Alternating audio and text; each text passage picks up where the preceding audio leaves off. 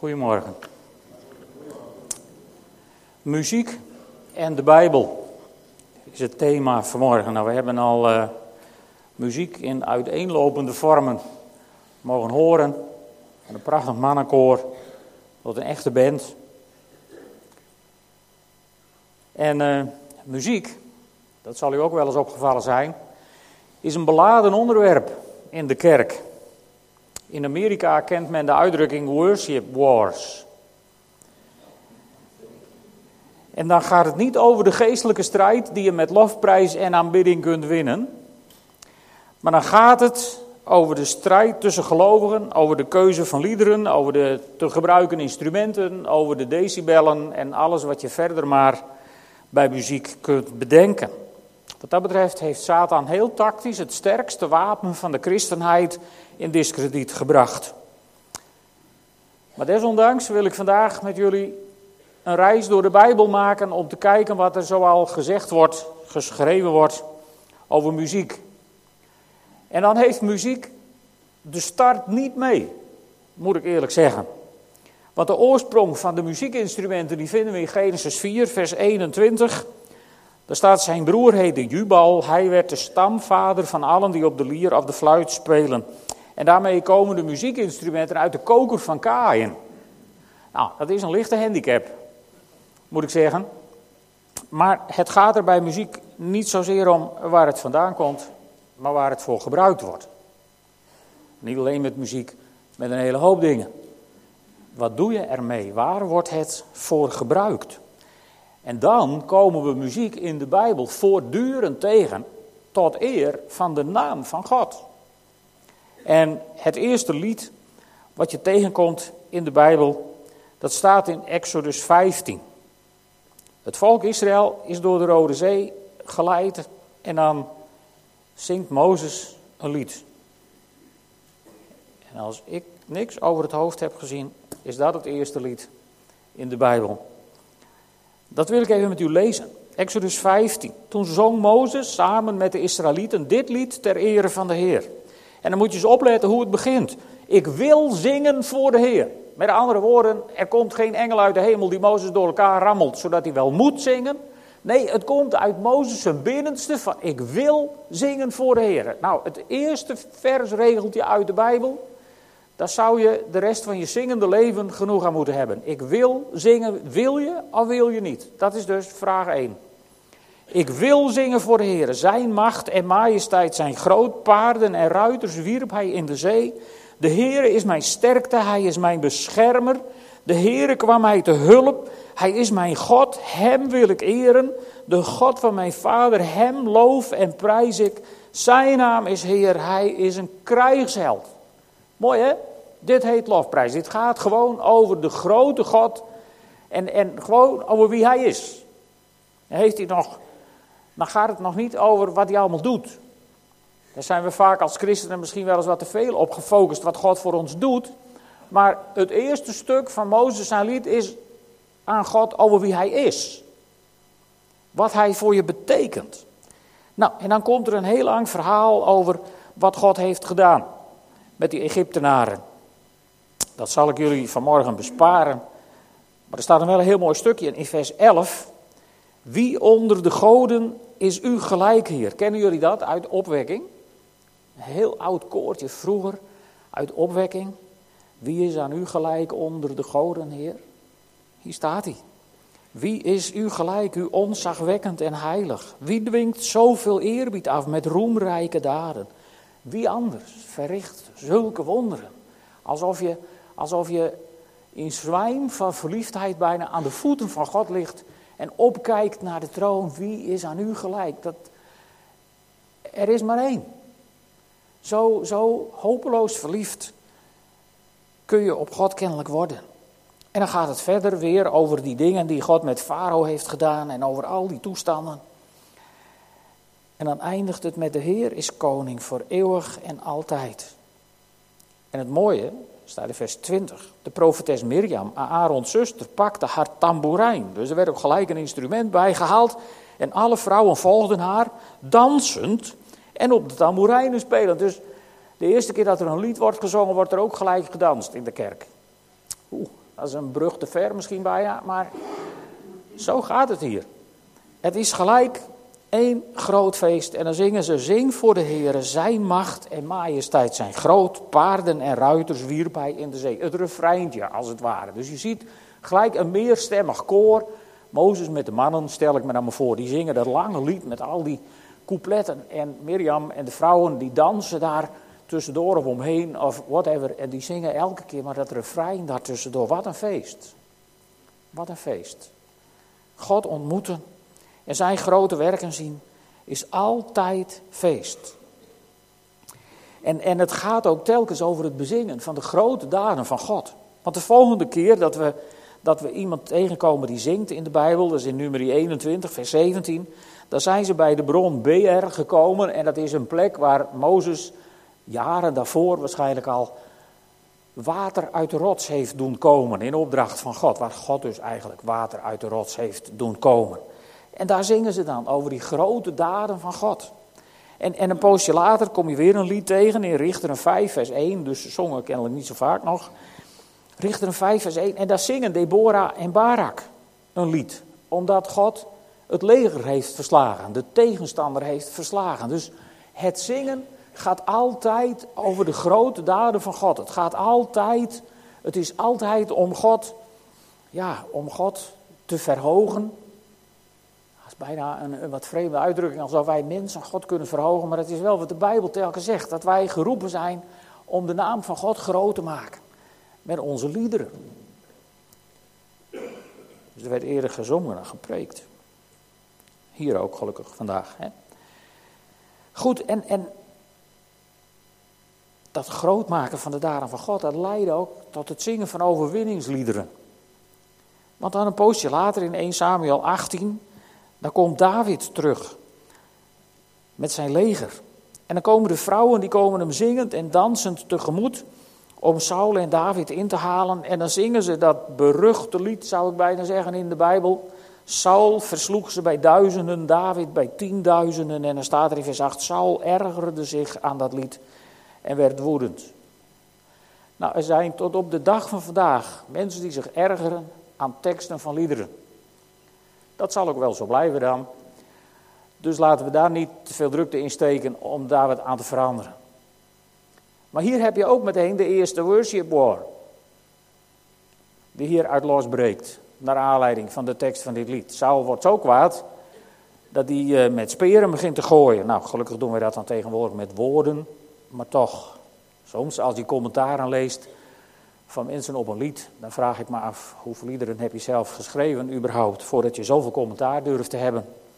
En moet dat soms in zulke woorden?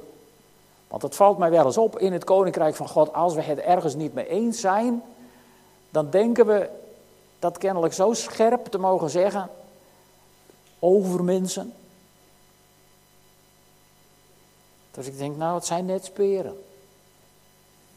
Ze konden er wat van doen, maar ook dat is nog steeds zo. En toch zien we in de Bijbel ook die prachtige werking en die krachtige werking van het loven en prijzen van God. De kracht van aanbidding, daar kun je gewoon niet omheen. In 1 Samuel 16, vers 23, Saul is dan inmiddels, nou zeg maar, uh, uh, psychisch zwaar gestoord geraakt, zou je kunnen zeggen. En die heeft ongelofelijke buien en toestanden. En, en, en of hij nou zwaar depressief was of, of wat hij was, dat weet ik niet precies, dat staat er ook niet bij. Maar dan staat er in 1 Samuel 16, vers 23, en steeds wanneer de geest, die geest dus van God, die boze geest die God had toegelaten over Saul, overmande, nam David zijn lier, een soort gitaar zeg ik maar even, ik heb geen verstand van muziekinstrumenten, dus vergeef me dat maar. Maar volgens mij zo'n soort ding, want het had snaren. En dat tokkelde David op. En dat luchtte Saul op en dat deed hem goed. Mooi hè? Dat deed hem goed. En de kwade geest liet hem dan voor even met rust. Ik adviseer het altijd aan mensen. Ik voel me, ik voel me zo. Zo kun je je soms voelen. Hè? Zo. Weten jullie wat ik bedoel vast? En, en ik, ik zeg altijd, nou, maar als je dan nou eens gewoon een mooi stuk aanbiddingsmuziek hebt. Duw een cd in het apparaat of, of doe iets. Maar, want dat lucht je op. Dat doet je goed. Ja, maar staat mijn hoofd niet naar. Nee, dat zal wel niet. Als je het niet aanzet, gaat je hoofd er ook niet naar staan. Dan gebeurt het niet. Maar een manier om gewoon om je beter te voelen is muziek. Zet een mooi lied op of iets, of zing een lied of whatever, wat er maar in je opkomt. Doe er wat aan. Doe er wat aan. En de geest die je misschien lastig valt op zo'n moment, die laat je dan voor een poosje met rust. Er staat nog een heel mooi vers in de Bijbel over muziek en die, die wil ik u beslist niet onthouden. Als David zeg maar de aanslag van Absalom heeft overleefd en hij is op reis naar huis, dan komt hij een oude man tegen. Die meneer heet Barzilai en die heeft David toen hij moest vluchten voor Absalom ongelooflijk geholpen. En David die wil hem belonen en die zegt, nou weet je wat, kom met mij mee naar Jeruzalem en kom bij mij in het paleis wonen. Ik zal je als een vorst behandelen. Nou, mooi voorstel. Denk nooit weg, hartstikke goed. Maar Barzilai die zegt dan iets en dat vind ik zo mooi. Hij zegt, ik ben nu 80 jaar. Wat valt er voor mij nog te genieten van het leven? Ja, dat is een beetje melancholisch, maar waar het me om gaat is dan geeft hij aan waar hij van zou willen genieten. Hij zegt, kan ik nog proeven van wat ik eet en drink? Kennelijk was hij zijn smaak kwijtgeraakt. Nou, ik weet niet hoe het met jullie is, maar het lijkt mij een van de drama's, de grootste drama's die je kan overkomen. Ik, ik, ben, ik ben fan van lekker eten. Daar ben ik ontzettend aan gehecht. En als de maaltijd in het gedrang komt, daar kan ik ook ongelooflijk slecht tegen. En als hij dat niet meer zou proeven, dan denk ik, man, hebben jullie dat niet? Ik bedoel, er zijn mensen die zeggen van nou, warm eten mag je mij wel overslaan. Nou, ik eet liever drie keer per dag warm dan één keer. Ja, ik hou, ik hou van lekker eten. Dat is aan mij goed besteed. Als hij dat niet meer zou proeven, wat een drama. Maar let eens op wat ik daarachteraan zeg. Kan ik de stem nog horen van zangers en zangeressen? Daar genoot hij dus kennelijk ook van. En denk, dit zijn, dit, zijn, dit zijn twee grote geneugten van het leven. Lekker eten bij een mooi stukje muziek. Wat willen mensen nog meer? Dan heb je volgens mij de avond van je leven. Een soort diner dansant hadden ze vroeger wel, gingen wij wel eens toe. Ja, dat, dat zijn nog eens dagen. Dus muziek is ook bedoeld om van te genieten. En muziek in de Bijbel tot eer van God wordt dan op een gegeven moment, als David zijn zaakjes op orde heeft en, en, en, en, en koning is geworden in Jeruzalem, dan wordt muziek verheven tot een priesterlijke taak. Daar wordt het ondergebracht. Er zijn priesters die doen dienst bij de oude tabernakel, die eh, daar ergens eh, op het platteland staat, zonder ark erin, want die, is dan inmiddels, die komt naar Jeruzalem. En, en op beide plaatsen stelt David voorschriften voor de eredienst. In Kronieken is wat dat betreft een heel interessant boek. In 1 Kronieken 6, daar staat, hier volgden degenen die David aanstelde voor de lofzang bij het heiligdom van de Heer, nadat de ark daar was ondergebracht. Totdat Salomo in Jeruzalem voor de Heer een tempel bouwde, verrichten zij hun dienst voor de tabernakel van de Heer, de ontmoetingstent. Ze traden daar altijd in dezelfde opstelling aan. En dan komt er een hele lijst van mensen die dat van vader op zoon vervullen. En, en dat zijn er nogal wat hoor. Dat is een hele batterij volk die daar vervolgens wordt genoemd, die, die, die daar aan de slag moeten. En uh, in 1 Kronieken 9, vers 33 staat over deze mensen, de zangers, Levitische familiehoofden, waren vrijgesteld van het werk in de voorraadkamers. Dan denk je, oh, dat was wel wat. Vrijgesteld. Van, maar was niet zomaar omdat zij dag en nacht beschikbaar moesten zijn voor de eredienst. Dat is nog eens wat anders dan een uurtje op zondagochtend. Dag en nacht moesten ze beschikbaar zijn voor de eredienst. Want het ging om de grootheid van God. En God moest dag en nacht geprezen worden. En, en hoe dat ging, dat kun je ook heel mooi lezen in 1 Kronieken. In hoofdstuk 15, dan lezen we dat de ark teruggebracht wordt naar Jeruzalem. Dat is sowieso voor mij een van mijn lievelingsverhalen in de Bijbel. Omdat ik daar vind, als David zijn koninkrijk een keer heeft gevestigd en hij heeft zijn huis in Jeruzalem op orde, dan heeft hij één groot verlangen. Hij wil de aanwezigheid van God in het centrum van zijn leven hebben.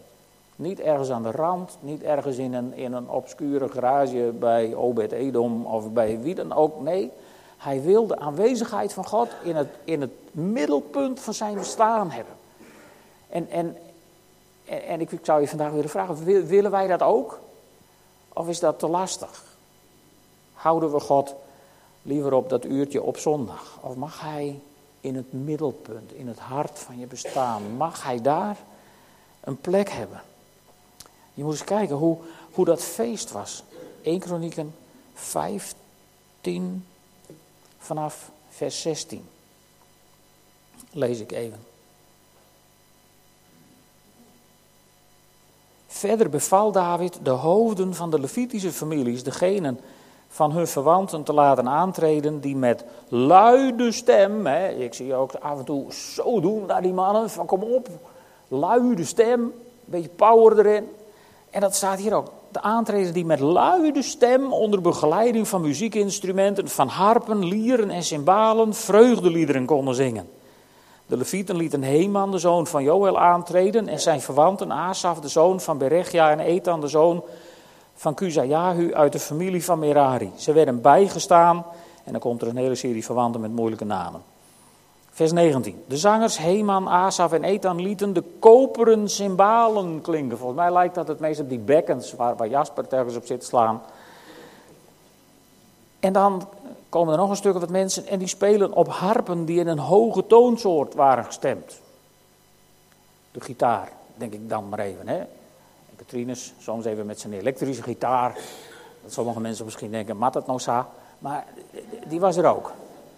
Die was er ook. En, en, dan komt er ook nog, nog stel, en die spelen op de lager gestemde lieren. Ik denk dat is, dat, dat is dan de basgitaar, die je ook nog op de achtergrond hoort. Er is niet zoveel nieuws onder de zon als we tegenwoordig naar het podium kijken. Dat deden ze toen ook. En dan staat daar hoe die mensen moesten zingen en hoe het allemaal georganiseerd moest worden. En dan staat er, ze liepen voor de ark van God uit en bliezen op trompetten. Nou, wij hebben een dwarsfluit vandaag. Trompetten hebben we nog niet gehad, maar die krijgen we misschien nog wel eens. En zo gingen David en de oudsten van Israël en de bevelhebbers over duizend man op weg om de ark van het verbond van de Heeren feestelijk op te halen uit het huis van Obed-Edom. En terwijl de Levieten met de hulp van God de ark van het verbond met de Heer droegen, offerden ze daar zeven stieren, zeven rammen enzovoort. En dan komt dat hele verhaal dat ze onder luid gejuich, vers 28, en hoorngeschal de ark van het verbond halen. Terwijl de trompetten en de cymbalen klonken en er gespeeld werd op harpen en lieren. Met andere woorden, over decibellen deden ze ook niet moeilijk. Want dat was waarschijnlijk een oorverdovend stuk muziek.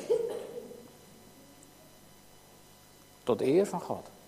Want de ark van God was op weg, de heerlijkheid van God was op weg naar het centrum van Davids bestaan. En dan stelt hij mensen aan, dat kun je dan in 1 Kronieken 16, kun je dat verder lezen, maar dat is een mooi huiswerk voor jullie om nog eens te doen. Het mooie is dat David ook hen opdraagt wat ze moeten zingen.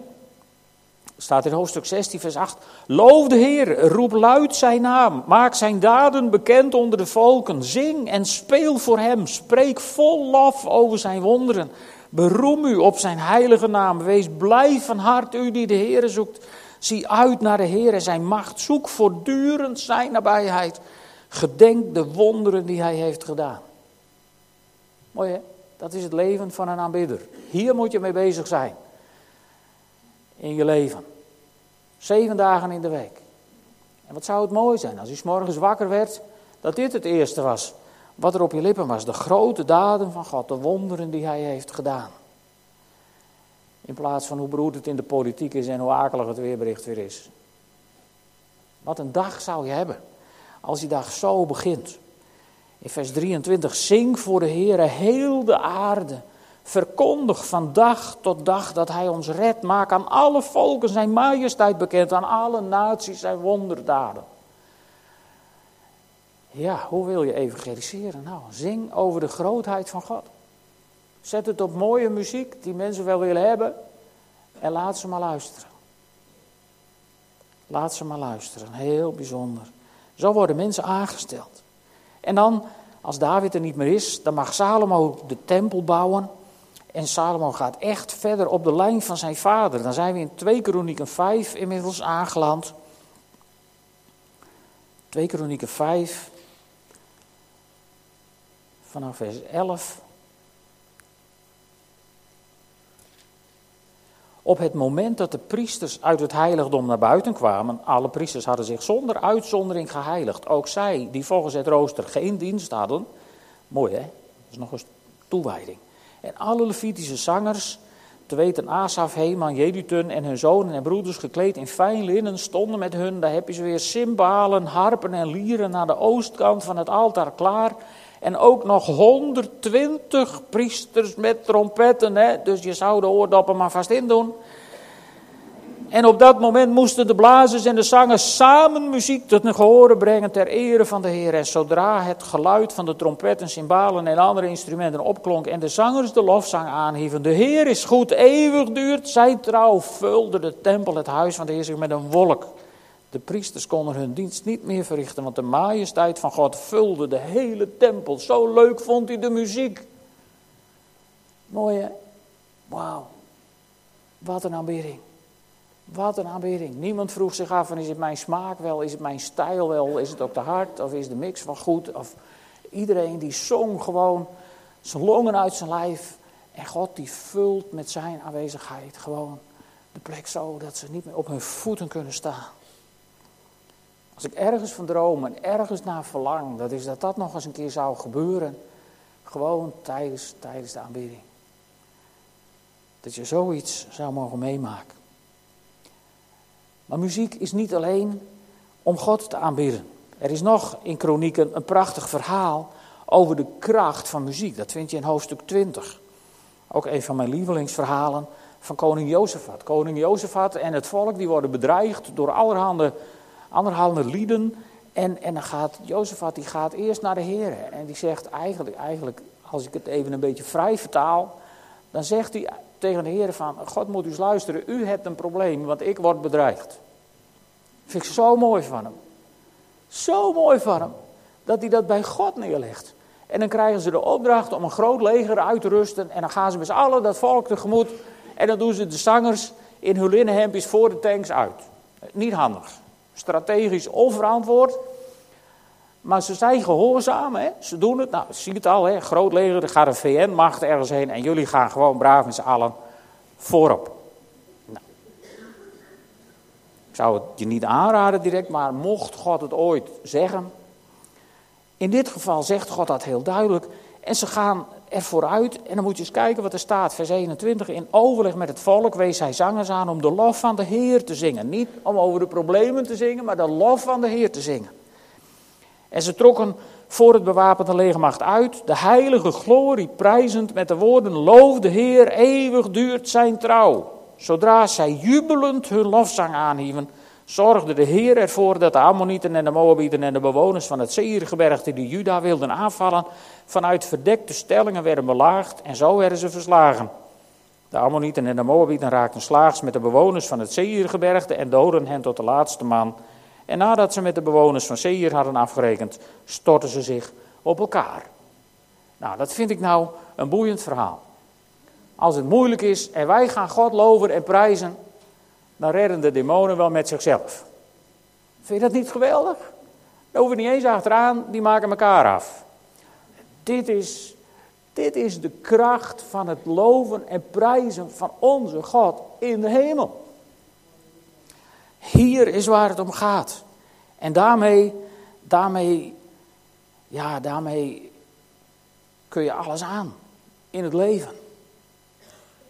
Daarmee kun je, kun je de vijand weerstaan. Dat vind ik zo prachtig in dit verhaal. En dan is het jammer dat na David en Salomo deze tempeldienst gewoon in verval raakt. En ze houden ermee op en, en, en, en, en het verwatert en het verdwijnt. Maar dan, dan herstelt Hiskia de eredienst. Dat kun je overlezen in 2 Kronieken 29. En koning Josia, die probeert dat ook nog een keer. En, en dan kom je weer een nieuw soort lied tegen. In 2 Kronieken 35. Dan is koning Josia overleden. En dan staat er Jeremia dichte een klaaglied op hem. Dus je mag op gepaste tijden ook klagen in je lied. Daar valt God niet door van zijn troon. Nou, dat is een hele geruststelling. Je mag ook klagen in een lied. Als je tot hier zit, dan mag je daar ook mee naar de Heer gaan. En Goed, dan komt na Kronieken en komt, komt Jeremia, dan komt het boek Klaagliederen. En, en dat moet je gewoon eens lezen. Wat mij opvalt is, je het boek Klaagliederen leest, dat je niet zagrijnig wordt. Zou je verwachten aan de titel. Maar als je het boek leest, dan word je juist opgebouwd. Want dan zie je van, hé, je mag bij God ook klagen. Maar telkens daartussendoor klinken die grote woorden van groot is de Heer en zijn trouw duurt tot in eeuwigheid. Eigenlijk het refrein door de hele Bijbel heen, van Genesis 1 vers 1 tot Openbaringen 20 vers nog wat. Alsmaar, groot is de Heer en eeuwig duurt zijn trouw. Daar gaat dit hele boek over.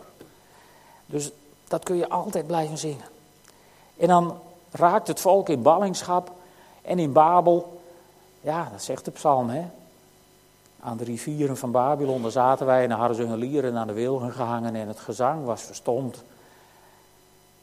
Maar op een dag brengt God ze terug naar zijn land, naar zijn stad, naar Jeruzalem.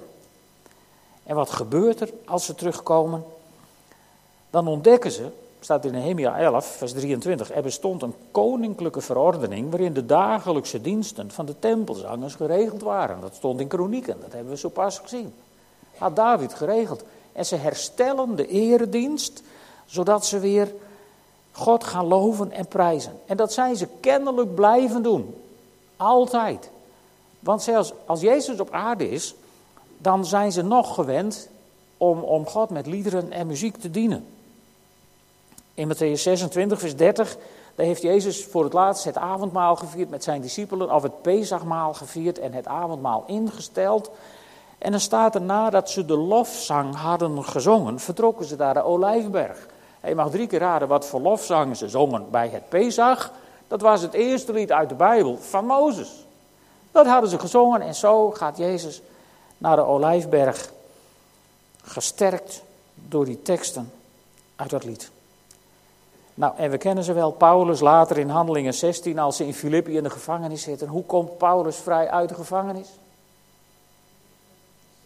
Niet door gratie te vragen of een petitie te schrijven of een protest te organiseren, maar door een loflied te zingen. En God rammelt de boeien los en de deuren open en that's it. Mooi sluit zo mooi aan bij het verhaal van koning Jozefat. En het mooie is, wij mogen ook zingen. Paulus die zegt in Romeinen 15 vers 9, maar hij is ook gekomen om de heidenen in staat te stellen, mooi hè, God te loven om zijn barmhartigheid. Nee, God is gekomen, Jezus is gekomen om, om jou en mij in staat te stellen hem te loven om zijn barmhartigheid. Zoals geschreven staat, daarom zal ik u prijzen onder de heidenen, psalm zingen ter ere van uw naam. En, en volgens Paulus in 1 Korinthe 14 kun je dat doen met je geest, je kunt, het, je kunt het doen met je verstand, je kunt het op allerhande manieren, mag je het doen. En het mag ook in een divers repertoire. Hebben vandaag hebben wij ook een heel divers repertoire en zelfs dat is bijbels. In Efeziërs 5 vers 19, daar zegt hij, schrijft hij aan de Efeziërs, zing met elkaar psalmen, hymnen en liederen die de geest u ingeeft. Kennelijk nagelnieuwe liederen dus. Zing en jubel, en dan komt de clue waar het om gaat, met heel uw hart voor de Heer. Met heel je hart. En weet je, het is goed dat we dat met elkaar veel gaan oefenen.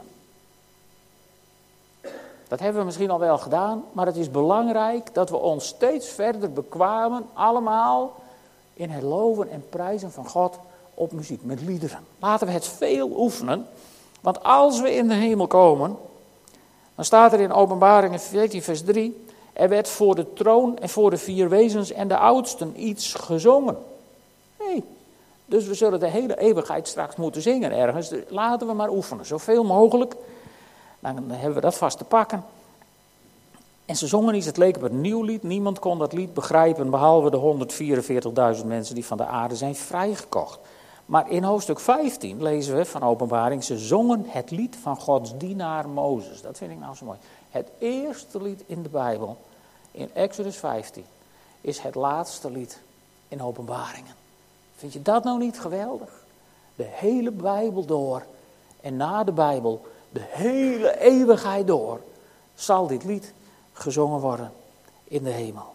Groot en wonderbaarlijk zijn uw werken, Heer onze God, Almachtige. Rechtvaardig en betrouwbaar is uw bestuur, vorst van de volken. Dus ik wens jullie veel oefenplezier.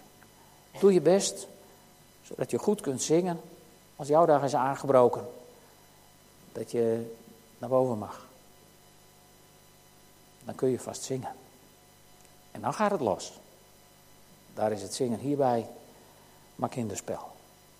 Maar ondanks dat kinderspel gaan we luisteren naar de Bethel Brothers. Met drie prachtige liederen, Er is meer, Jezus leeft in eeuwigheid. En het laatste lied spreekt me heel mooi aan, Just a Little Talk with Jesus. En na die Little Talk with Jesus van hun hebben we tijd om samen te bidden. En dan mag u uw hart luchten voor de Heer.